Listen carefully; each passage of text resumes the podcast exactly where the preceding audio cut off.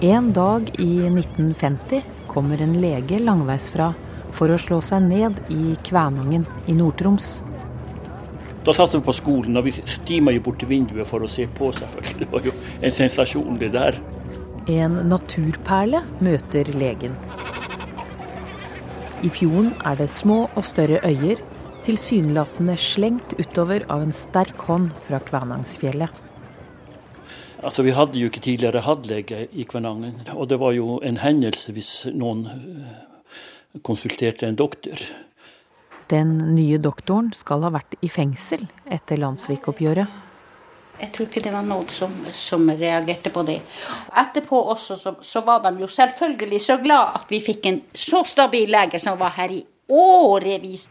Eh, jeg syns jo det var en skjærende hån for denne befolkningen i, i denne kommunen, som var nedbrent av hans medsammensvorne, at han skulle da komme og være redningsmannen. Det sies at nykommeren har vært Quislings livlege. Jeg kjente ingen. Nei, høy i hatten var jeg ikke.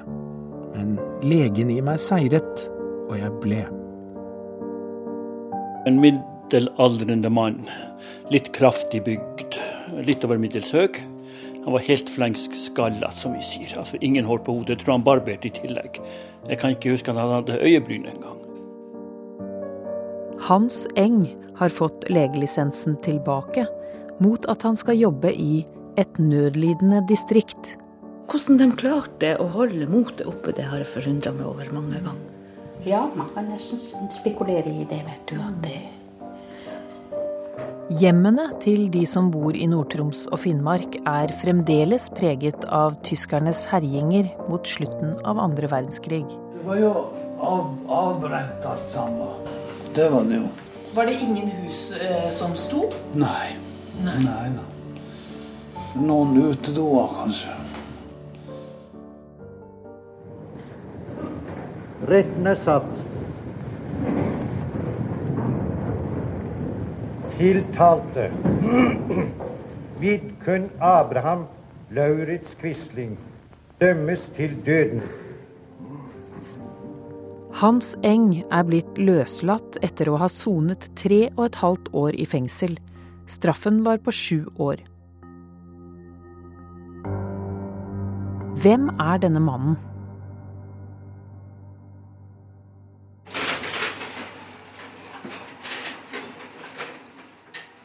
Og da er vi i, i det mest populære arkivet i Norge for tiden.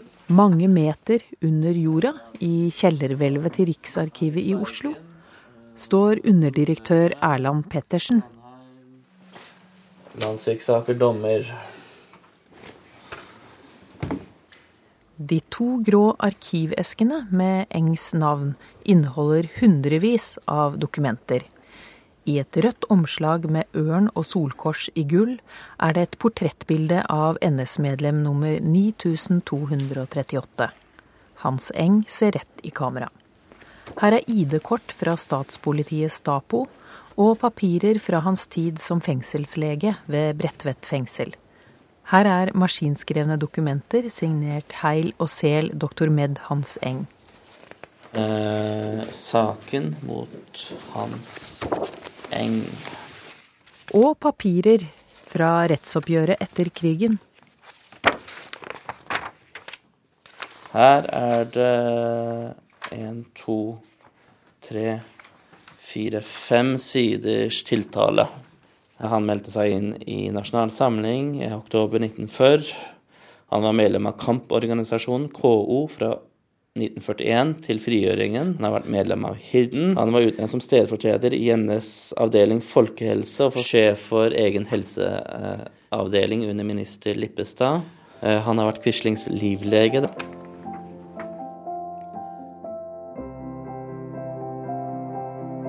Han var jo mester i å improvisere, og fra et vaskevannsfat så bygget han opp en, en praksis i, i eh, Kvænangen som var veldig god, altså.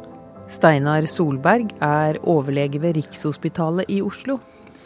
I Kvænangen så fikk du på sykestua i Gargo i Børgfjord så fikk du svar på timen hele døgnet hele året.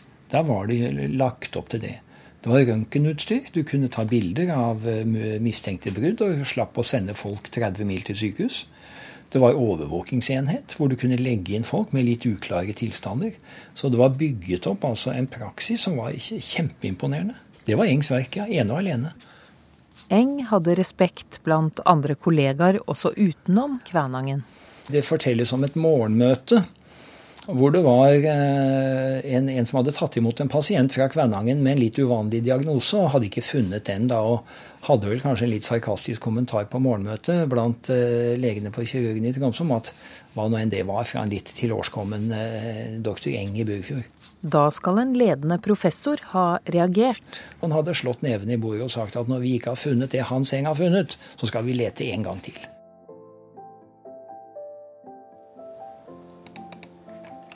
Nå har vi jo vel 19 000 gjenstander i, i våre samlinger, så det er vi neste.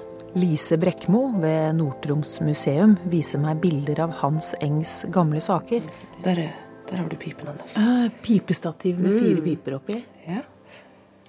Og en, så vi har òg en Og der er frakken. Der er frakken. Og det ser man på, altså den ser man på flere av bildene. Ut av, ja. Er, eh, Staselig frakk, da. Å, ja, da. Det er jo noe med den tida der. Når du var lege og lærer da, så var du jo Du var vel ansett. Han var legen som gjorde alt. Små operasjoner. Han trakk tenner, og utførte synstester. Vi har de plansjene også fra f.eks. med tester for fargeblindhet. Så har vi òg en del tannlegeutstyr som gripetangereflekser gripetang, refleksene med skalpell og ja. stetoskop. stetoskop. Og han fortalte jo at første, når han kom dit opp, så brukte han som stetoskop så brukte han en sykkelslange og sykkelstyre. Han kom hit til et legekontor med jordgulv og et vaskefat omtrent. Kvænangen er jo en, mange øysamfunn som ligger veldig avsidesliggende til. Og, eh, og, han var ute i båten uansett vær for å se til pasienter. Det var en som bodde i Hvaland, han tror jeg, som fikk besøk av ham på julaften. da, for... Jeg kunne se gjennom gulvet ned i kjelleren. Der var vinduene borte. Trekken var plagsom. Under disse forholdene skulle jeg altså behandle lokalbefolkningen for alskens sykdommer.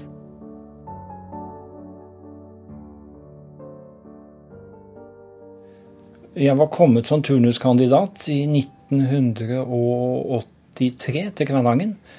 Hans Heng var da blitt pensjonist, men han hadde fortsatt et kontor i gangen der. Og da hilste vi på hverandre i eh, gangen på legekontoret.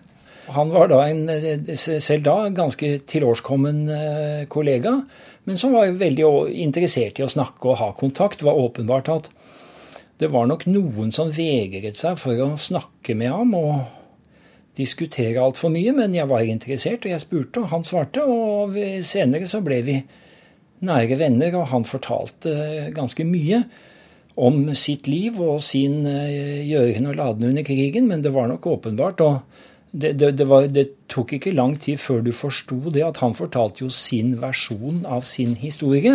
Og har nok eh, tilpasset det lite grann, da, som vi jo alle gjør. Sommeren 78 er Hans Eng på forsiden av bladet Vi Menn, og VG følger opp med et større oppslag. En av overskriftene lyder 'Quislings livlege Hans Eng praktiserer i Troms'. Her uttrykker han beundring for Vidkun Quisling. Jeg angrer intet. Hadde forholdene vært i dag som de var i 1940, ville jeg igjen gått med i Nasjonal Samling. Programmet til Nasjonal Samling fra 1933 gjelder i like stor grad som den gang. Bortsett fra visse justeringer, selvsagt. Eh, han, han, har jo blitt kjent som såkalt Quislings livlege. Og det er nok grunn til å tro at han kanskje har overvurdert den rollen noe. Men som han sa, at Quisling trengte jo aldri lege. Og under krigen, da, ganske tidlig fase, så kom det en forespørsel til Ullevål sykehus, hvor Hans seng var om de hadde en, en, en flink og dugelig doktor, og ble da forespurt om å være familielege for familien Quisling. Han var erklært nazist? Ja, han var nazist, og han var heller ingen angrende synder. Men hvordan var det å forholde seg til det? Hvordan ja, Som 18-åring så leste jeg Jens Bjørneboes 'Under en hårig himmel' om at folk kunne gå inn i NS og delta på gal side ut ifra aktverdig motivasjon eller et eller annet. At det ikke bare var at de som valgte NS, enten var dumme eller hevngjerrige eller pengegriske eller var, det, det, det, var altså komplett umulig å kombinere eh, landssvik da, med noe som helst grad av anstendige menneskelige eh, egenskaper. Og det var for meg litt vanskelig å, å, å, å akseptere. Jeg tenkte en del på det, og når jeg traff Eng, så var det et veldig fikk, det, fikk, brakt det litt videre, og så han som en ren øh, Altså i alle andre sammenhenger veldig rettskaffen og, og, og, opptatt av hva som er riktig og galt, og gjøre rett og sjel for seg. Og det gjør at jeg er ganske oppgitt over denne sort-hvitt-malingen. altså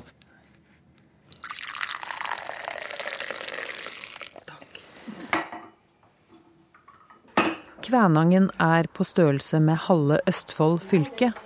Innerst i Burfjorden ligger kommunesenteret. Her bor Rita Boberg Pedersen, og også moren Ågot Boberg.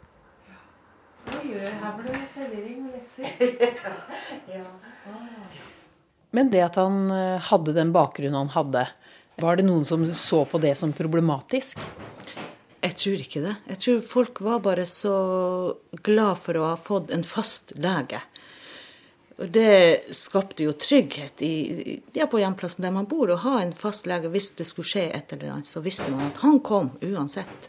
Men så tenker man at eh, Kvænangen i 1950, da har man så vidt begynt å bygge opp igjen etter eh, nedbrenning og evakuering og i det hele tatt. Og så kommer det en nazist midt oppi det der. Man skulle jo tenke at det skulle skape mye følelser. Jeg tror ikke det var noen som, som reagerte på det. Og, og, og, i, og etterpå også så, så, var de jo selvfølgelig så glad at vi fikk en så stabil lege som var her i årevis. Han kjente jo alle folk. Han kom inn i døra fra et venteværelset. For da, da, var det jo ikke noe som times, timebestilling. Nei, da, da for jo folk dit hvis de var syke. Og, og, om de ikke var syke, kanskje. Så. Han kjente jo selvfølgelig alle som kanskje for for den minste lille stikk. Du kan fare hjem, du kan fare hjem. Du kan fare hjem. Og, og, og for, ja, han brukte å si her er det jo mye friske folk. Så det brukte han siden han kom i døra.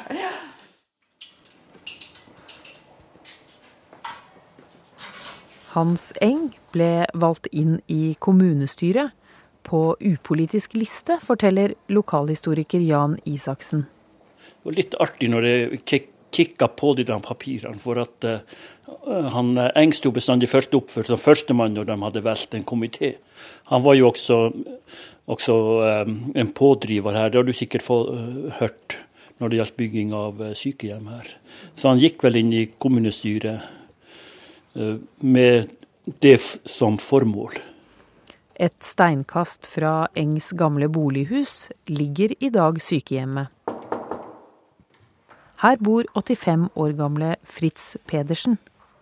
Jeg tror stemninga var ganske moderat, kan man si. Det var, det var ingen som gikk omkring og, og snakka om krigen og evakueringa og sånt. Det var Folk de godtok det, rett og slett. Ja.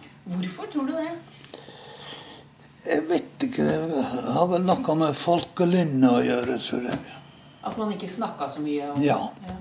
Folk visste jo om det, men det ble aldri snakka om det, liksom. Mm. Nei. Man var mer opptatt av å få en lege? Ja. Og hva skjedde da Eng kom? Mm, ja, det skjedde jo det at uh, skjervelegen ble jo mye avlasta, kan man si. Vi hadde jo alle ytterfjordene, f.eks. i Kvænangen. De var jo avskåret fra lege. For, sånn. Ja, nei, jeg mener at uh, Man kan ikke henge folk for det de en gang har gjort. Man er nødt til å gå videre og se hvordan er den personen i dag. Og hva, gjør, hva godt gjør den personen. Enig som bare det, ja. Ja. Nei, for det, jeg kan jo ikke tro at det er noen som har noe imot ham. Jeg, jeg, jeg, jeg får ikke det der til å rime hvis noen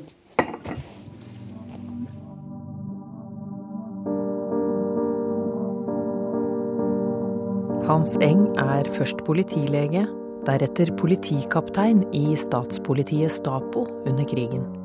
Han er til stede under tre henrettelser. En plikt som lege, forklarer han under rettssaken, og begrunner det også slik. Da det så vidt meg bekjent er en bestemmelse alle kulturnasjoner har, at det skal være en lege til stede ved slike anledninger, og jeg går ut fra at dette selvsagt er diktert av hensyn til den dødsdømte. En telefonoppringing fra Eng til en Stapo-kollega en maikveld i 1944 skal få fatale konsekvenser. Hans Eng varsler om mistenkelig virksomhet i gårdsrommet der han bor.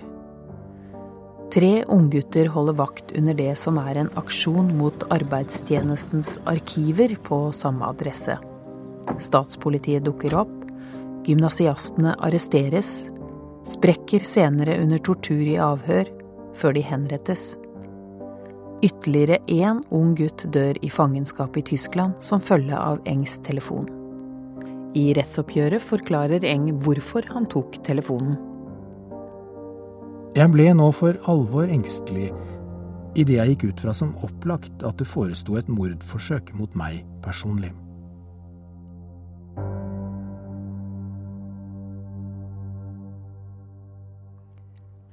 For de som drev motstandskamp, ble Hans Eng sett på som farlig. At han var et problem under krigen, det går jo klart fram. Arnfinn Moland er historiker og leder ved Norsk hjemmefrontmuseum. I og med at han tidlig, så tidlig som i 243 blir satt på en likvidasjonsliste. Hva skulle til for at man havna der? Ja, Du måtte iallfall ha utmerka deg så negativt at du var en stor fare for organisasjonen, for motstandskampen. Og de, de første som er ute etter han, er jo da Osvald-gruppen, kommunistgruppen. Og så står han også på en liste i noe som heter X-gruppen, som er en del av, av dette her apparatet som var i starten, før lingefolk hadde kommet i gang. Heller ikke da eh, lykkes det. Og det er ikke gjort noen spesielle forsøk, men altså, har ikke, de har ikke fått det til. Det, altså, å likvidere folk var en uhyre vanskelig sak. Eng blir ikke dømt for sin telefon til Stapo, og det heter i dommen at noen angiver i stort format har tiltalte ikke vært. Likevel dømmes han for sju mindre fatale angiverier, om bl.a. flyktningetransport, ulovlig radioapparat og illegale aviser. Mange har ment at rettsoppgjøret etter krigen ikke ansvarliggjorde nordmenn for jødeforfølgelsene i Norge. Eng ble dømt, men atskillig mildere enn det som opprinnelig lå i kortene. Det må man si. Kristoffer Harper ved Holocaust-senteret er en av dem. Han har undersøkt Hans Engs og flere andre landssviksaker. 772 jøder ble deportert. Bare 34 overlevde grusomhetene i konsentrasjonsleirene. Før avreise fra Oslo ble flere jøder internert på Hans Engs arbeidsplass, Bredtvet fengsel. Det er vitneforklaringer etter krigen. Julius Paltiel, en meget kjent jøde som overlevde Auschwitz, og som kunne fortelle om hvorledes han selv var syk og ikke ble behandlet av Eng. Og også dokumentasjon, hvor han i disse journalene hvor det var jøder som var oppført, så um, unnlot han rett og slett å gi en beskrivelse av uh, hva de led av, og om hvilken behandling som skulle foretas. For en vanlig pasient så vil man jo i journalen se pasientens navn, hva han lider av, og den behandlingen legen foreskriver. For de jødiske pasientene fins ingenting. Så dokumentasjonen også peker i retning av at han unnlot å behandle dem. Men så er det jo det problematiske da, i at han ble jo ikke dømt for det. Nei, han ble ikke dømt for eh, hans eh, unnlatelse av å behandle jødene. Det er riktig.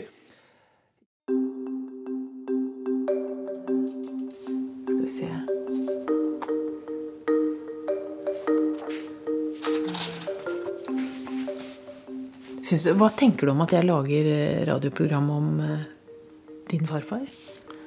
Um, jeg syns jo det er spennende fordi at um, det er en spesiell historie. Samtidig som jeg er spent på hvordan det blir. Hans Engs eldste barnebarn Helene Eng bor i Tromsø. Han var veldig humoristisk. Uh, og jeg skulle ønske jeg kunne gjengi bare noen av de fleipene som det, det, klarer jeg på en måte ikke, husker ikke helt, men han var veldig morsom, nesten sånn hele tiden morsom. Diskuterte dere politikk? Han virket ikke så veldig på en måte politisk engasjert. Men det er klart at den bakgrunnen han hadde, den eh, Den er jo litt vanskelig å forstå, og jeg tenkte at jeg ville prøve å høre med han. Jeg kjente ikke igjen den nazistiske ideologien i han som person. Jeg fikk det ikke liksom til å stemme. Eh, han kunne fortelle om Quisling, og han kunne omtale han i positive ordelag i den forstand at han omtalte han som lynintelligent. Noe som farfar eh, ja, så en veldig positiv egenskap for han. Da. Eh, men han kunne også fortelle at han var en person som aldri smilte. Men hadde han, hadde han et sånt eh, portrett av Quisling eh, hjemme? Han hadde det. Det var en slags sånn herre bronsetrykk greier. Ja, det var merkelig. Det var det. Jeg kan ikke huske at jeg spurte han om akkurat det bildet. Men jeg syns jo det var rart. Hang det i stua, eller? Nei, det hang på hans eh, hjemmekontor, eller ja, et rom med skrivebord og data og sånn. Ja. Mm. Men ellers så uttrykte han aldri noen meninger eh, som var sånn som jeg i hvert fall oppfattet den nazistiske ideologien aldri rasistiske eh, ting. Aldri jødehets. Og det her var jo i den tiden som eh, Arne Myrdal drev med sånne det var det. Det var en slags rasistisk organisasjon som var ganske voldelig og holdt på nede på Sørlandet, der som jeg kom fra. da. Og jeg var jo ganske opprørt over de der eh, aksjonene og den bevegelsen hans. Eh, sånn at eh, jeg husker at jeg spurte farfar om ting som Hans meninger om eh, innvandring og, og sånn. Og han, han hadde ikke eh, rasistiske eh, oppfatninger. Så det med nazismen, var det mer en beundring for personen Quisling? Nei, det tror jeg heller ikke. Hva, hva, var det, da? Jeg tror, sånn som jeg har oppfattet det ved å delvis ha lest rettspapirene og snakket med pappa, eh, så var det sånn at eh, farfar var imot eh, okkupasjonen av Norge, den tyske okkupasjonen av Norge. Og han var også med i sanitetsarbeidet helt i starten etter okkupasjonen, og hjalp til da medisinsk. Men han har da kommet til et standpunkt om at han trodde at eh, det var det beste for landet at det var en norsk styring av landet istedenfor eh, tysk styring av landet. Og at eh, i den forbindelse så, så meldte han seg inn i NS.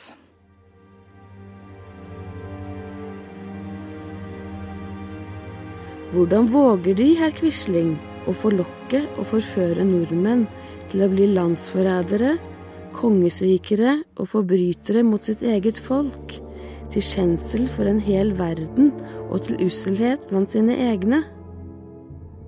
Slik skriver Ingrid Bjerkås, en 39 år gammel tobarnsmor, i et krast brev til NS-lederen i 1941. Hun ber ham oppløse partiet, og griper også inn direkte når Reichskommissær Josef Terboven skal holde tale på Slottsplassen. Hans Eng gir henne en diagnose han kaller jøssingismus psykopatica. Bjerkås, som senere skal bli Norges første kvinnelige prest, må sone ett år på Grini. det vitner jo om at Hans Eng, doktor og spesialist, oppnevnt som sakkyndig av folkedomstolen, eh, ga en temmelig merkelig uttalelse. Historiker Hans Fredrik Dahl har skrevet biografi om Vidkun Quisling, og kjenner til Hans Eng. Og hvordan er mennesker spesielle? Hvordan er begavede mennesker spesielle? Ja, de er, de er spesielle ved sin plutselige utbrudd og merkelige uttalelser og, og, litt kategoriske dommer om medmennesker osv. Barnebarnet Helene Eng tror diagnosen er en spøk, slik Eng også hevder i forklaringen sin. Det brev som vedlegger sakens akter som jussinisme er ikke alvorlig ment. Det var ment som privat brev til Krans, og det var ikke meningen at det skulle vedlegge sakens arter i det hele tatt. Ja, ikke sant.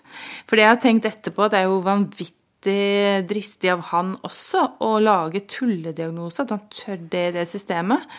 Men, eh, men han har altså eh, lagd tullediagnose som et privat brev ja, til Krans. Ja, det tror jeg faktisk. At det kan være en form for spøkefullhet av den art som jeg selv ser som typisk for en som er svært intelligent, men ikke, ikke følsom overfor hva man skal si til bestemte tider. Har Hans Eng hatt en sentral posisjon i NS? Han står vel ikke oppført så mye i hennes årbok og hadde ingen fremtredende posisjon, men eh, han var en person som mange kjente.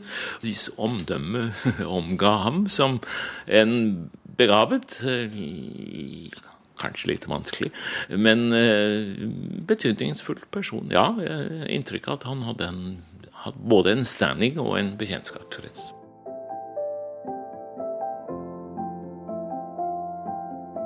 Du er dømt til å tape på alle fronter hvis du først har vært eh, nazist. Og Det er det som gjør at han nå i en, i, i en biografi om Ingrid Bjerkås, som nylig er gitt ut, hvor det var en professor på Menighetsfakultetet som skrev det, også da har fått Eng til å være en svak og udugelig lege.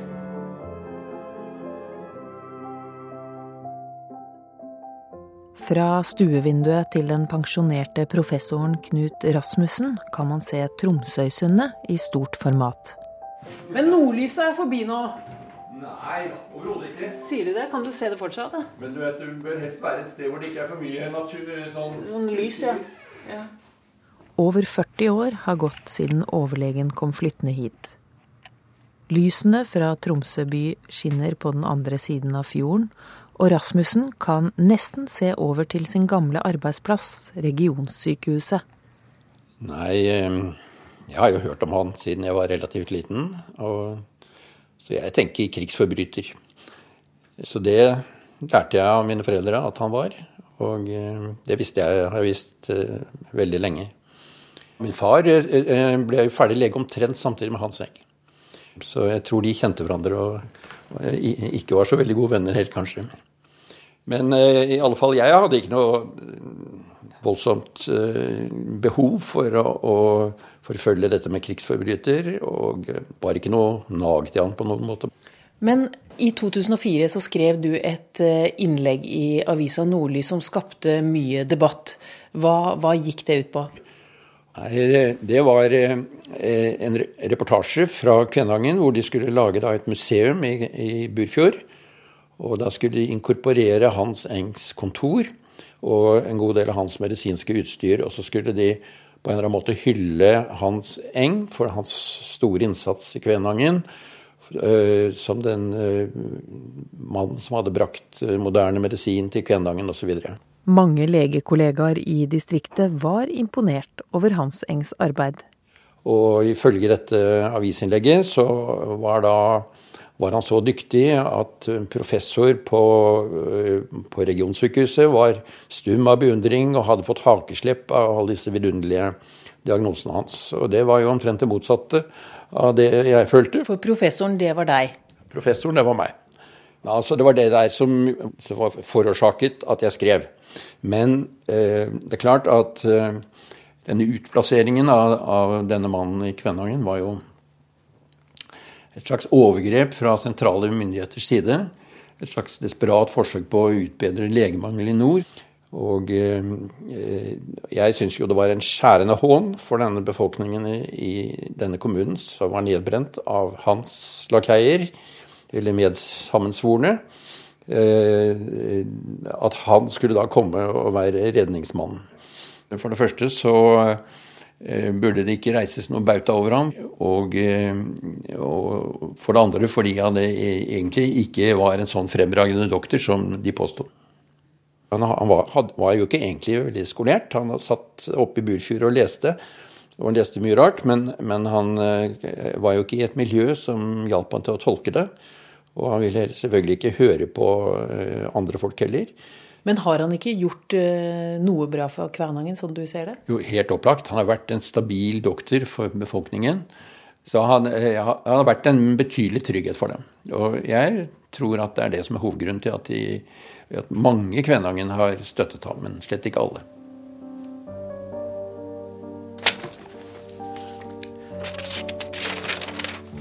Her har vi jo da hvor folk i kommunen har skrevet inn, da, da de oppfattet at det var et negativt innlegg i Nordlys om Hans Eng i 2004.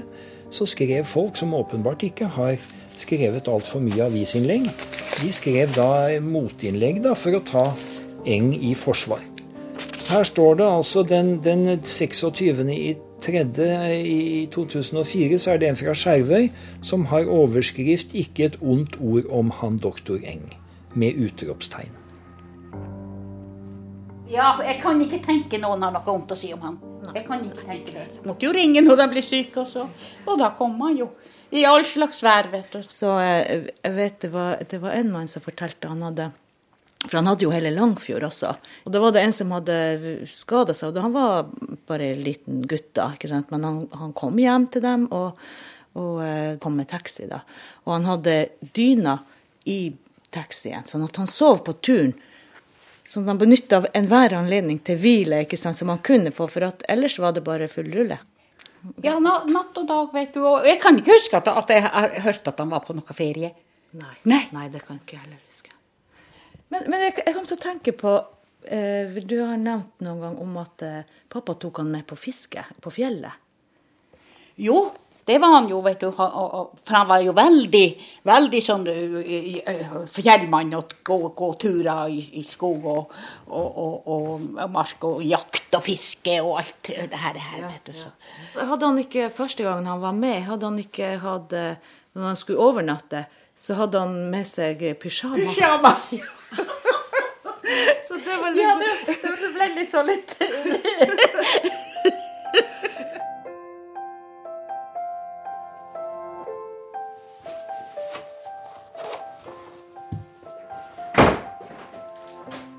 På Nord-Troms museum har Lise Brekkmo vært på lageret på bakrommet og lett etter flere spor etter Hans Eng. Åh, fantastisk. Her er en kassett. Hans eneste NRK-intervju finnes ikke i radioarkivet, så vi håper intenst. Intervju med Hans Eng lokalt 1988. Fordi at jeg trives så inderlig godt her oppe jeg kan ikke tenke meg å flytte herfra. Det er Eng. Vi hørte tidligere distriktslege i Kvænangen, Hans Eng, og han ble intervjua av Øystein Antonsen. Her kommer Leonard Cohen, Post We Take Manhattan'. Vi er på besøk hos doktor Hans Eng, og det er en rakrygget 81-åring som tar oss imot hjemme i den store villaen i Burfjord. Og da ble du eh, tvangssendt hit til Kvænangen. Så du på det å bli sendt til eh, Kvænangen som en tilleggsstraff? Jeg antok at uh, det var ment som en slags uh, tilleggsstraff. Men heldigvis så tok jeg imot denne jobben uten betenkning. Har du opplevd denne tida som en isolasjon? Nei, tvert imot. Jeg ble straks fascinert av den ja, den egenartede holdning folk her viste. Og har aldri savnet noen ting, tross alle vanskeligheter. Nord-Troms museum har intervjuet mange tidsvitner om Hans Eng. Også om hva de visste om fortida hans. Folk visste hvem han var, selvfølgelig, når han kom hit. Men jeg opplever ikke det som noe man dveler ved. Det er en etablert sannhet, og, og, og, det var den han var. Men det er legen og hans gjerning som lege som, som står først i, i, folk sin bevissthet. Og det kan man jo skjønne. Min oppfatning er at uh, det, var ikke, det var ikke noe man skjulte heller. Men man diskuterte det kanskje ikke i så stor grad. Og jeg har i hvert fall ikke vært borti noen som sier at de ikke gikk til Eng fordi han hadde den bakgrunnen han hadde.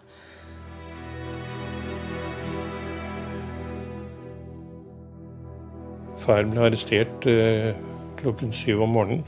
Viggo Hansten. Faren hans, med samme navn, ble sammen med en annen fagforeningsmann den første som ble henrettet av nazistene. Sønnen var da sju år. Og jeg var oppe og, og så de som kom og tok ham. Og jeg visste selvfølgelig ikke hva det innebar. Det visste sikkert min mor, men ikke min far. Så det var det siste jeg så til ham. Det må jo ha satt eh, sterke spor? Ja, det gjorde det selvfølgelig. Og det Eh, det tror jeg gjorde for en stor del av Norges befolkning. Fordi det var jo varselet om at her var det om nødvendig ingen nåde. I 1961 skal Hansten reise nordover for å jobbe som lege. Han ber Helsedirektoratet om å slippe å ha direkte kontakt med Hans Eng. Aversjonen mot nazisters gjerninger under krigen er for sterk. Min innvending mot Hans Eng var jo ikke på det faglige området, men det var jo på det etisk-moralske eh, området. Jeg kan jo ikke la være å tenke på hans fortid. Jeg kan ikke la være å tenke på det. Og ser jo fortsatt på Hans Eng som et stort paradoks. Som en faglig dyktig og kunnskapsrik lege.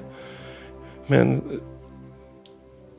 uten enhver etisk ryggrad, sånn som jeg ser på det.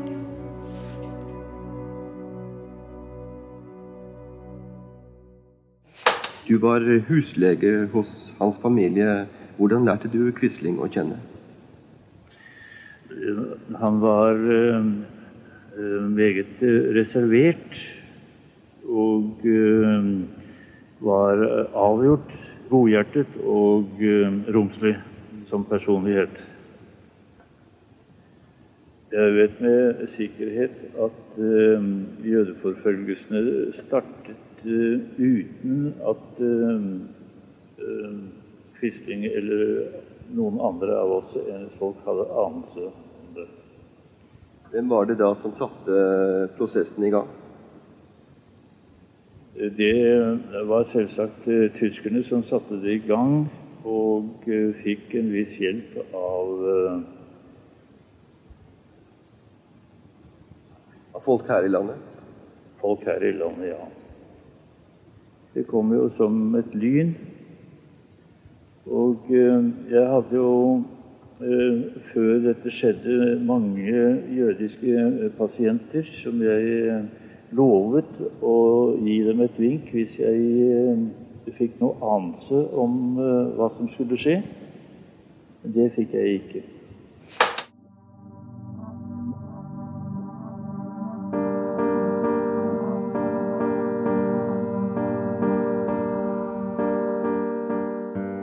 Hvor går grensen for en venn?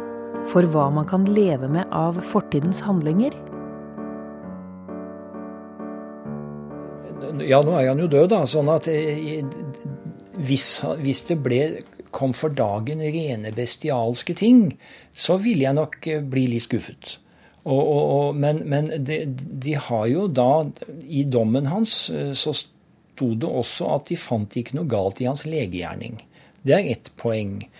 Eh, han, han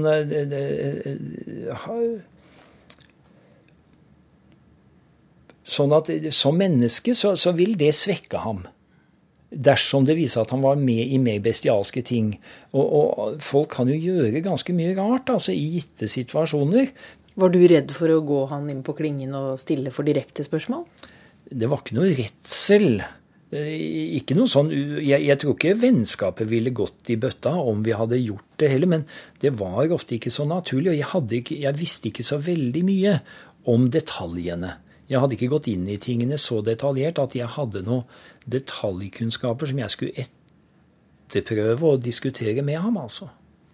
Hvis du hadde hatt det, hadde du Hva skulle til for at ikke vennskapet hadde tålt det, tror du? Jeg vet ikke. Det, jeg ville nok kunne tatt det opp. Og, og han, ville, han, fortalte jo ting om han hadde, hva han hadde vært med på, og, og ting, men det var nok tilbake til det hele tiden hans egen versjon og hans beskrivelse av seg selv og sin aktivitet.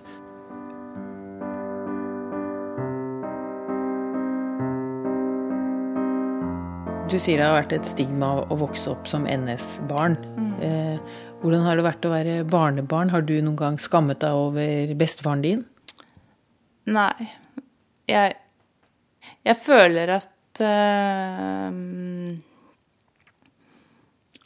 at jeg har ikke noe ansvar for det han eventuelt har gjort. Jeg er trygg på hvem jeg er, uavhengig av hva han var. Eh, at han var lynintelligent, gjør ikke meg lynintelligent nødvendigvis. Eh, om han har utført handlinger som er i strid med min ideologi, så gjør det ikke meg til eh, det han var. Jeg opplevde jo ikke at han hadde en ekstrem ideologi. Aldri. Tenker du på din bestefar som nazist? Nei. Det, det gjør jeg absolutt ikke.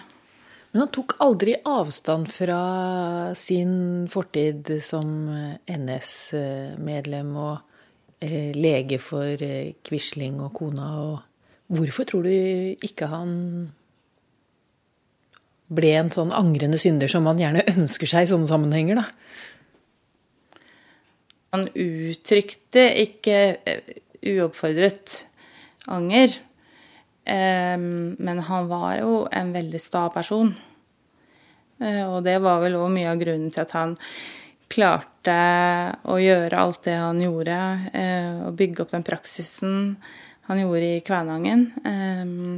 Det var vel også Han var nok ikke en person som sånn gikk og Eh, til stadig og innrømmet egne feil. Eh, I sin generellthet gjorde han ikke det.